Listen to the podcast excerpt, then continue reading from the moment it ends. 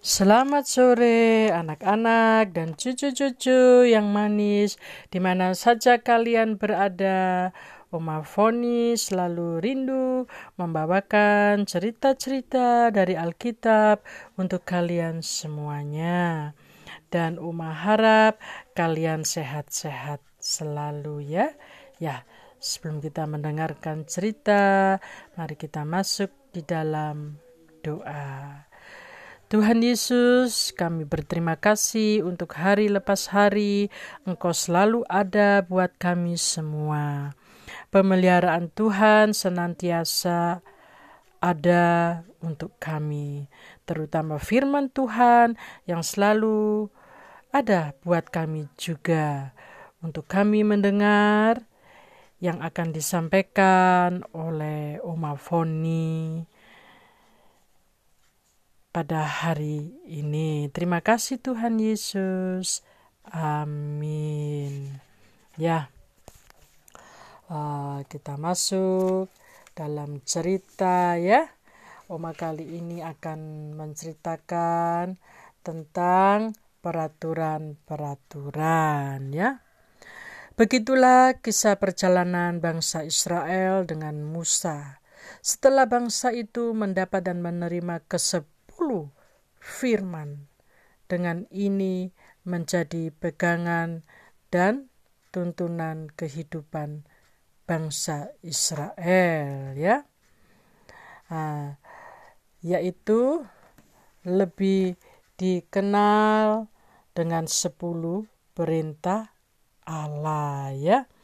Ya, uh, pasti kalian sudah uh, tahu ya uh, sudah diberitahu oleh mama papa atau oma opa ya uh, nenek ya atau kakak mengenai 10 perintah Allah ya demikianlah Allah menuntun umatnya agar mereka atau bangsa Israel ini memiliki suatu dasar yang kokoh yang didapat dari Allah sendiri. Begitu juga peraturan-peraturan tentang kebaktian atau ibadah, tata cara yang sudah diperingatkan oleh Allah ya.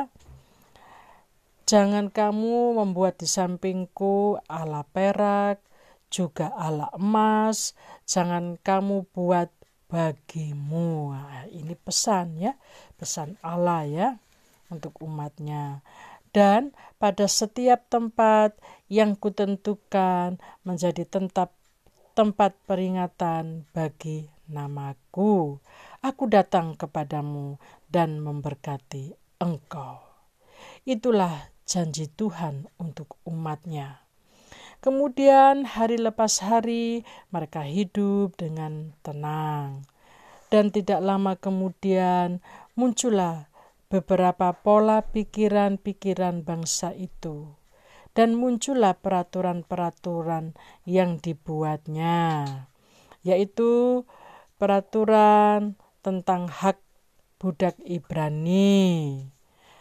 Eh, lalu kedua, peraturan tentang jaminan nyawa sesama manusia. Ketiga, peraturan tentang jaminan harta sesama manusia. Keempat, peraturan tentang dosa yang keji. Kelima, peraturan tentang orang-orang yang tidak mampu.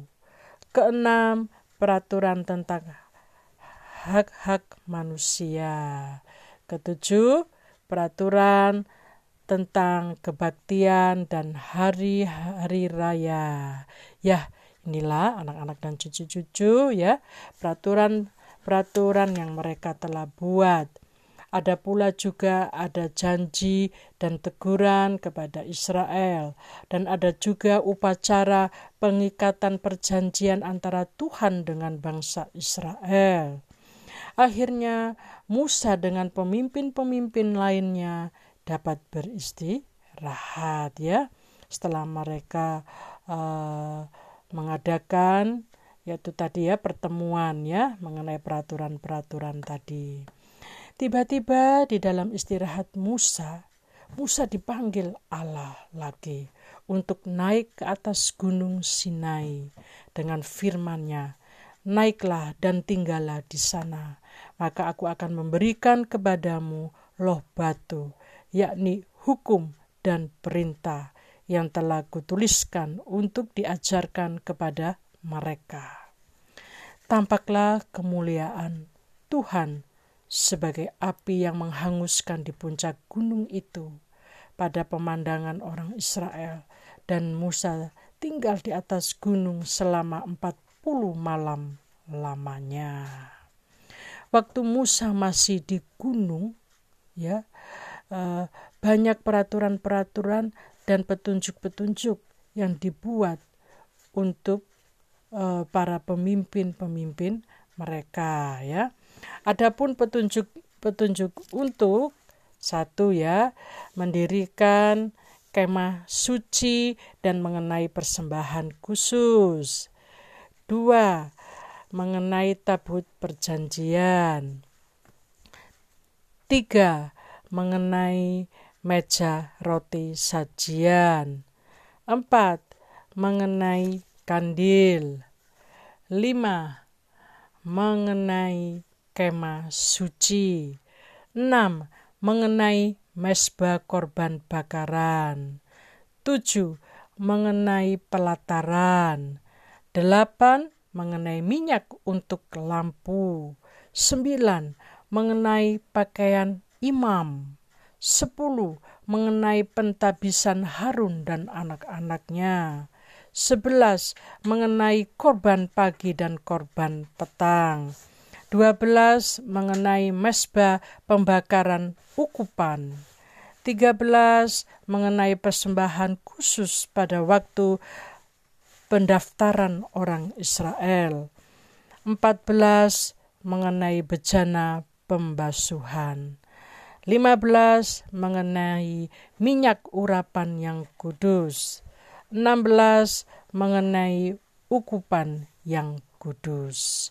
Semuanya indah yang Allah rancangkan kepada umatnya. Allah telah memilih dari beberapa suku dipercayakan keahliannya untuk membuat sesuai petunjuk Allah. Ini kalian uh, bisa membaca di Keluaran 13 eh Keluaran mak maksud Oma ya, Oma uh, bisa membacanya di Keluaran pasal 31 ayat 1 sampai 11 ya anak-anak dan cucu-cucuku manis. Begitu juga peringatan-peringatan untuk menguduskan hari Sabat.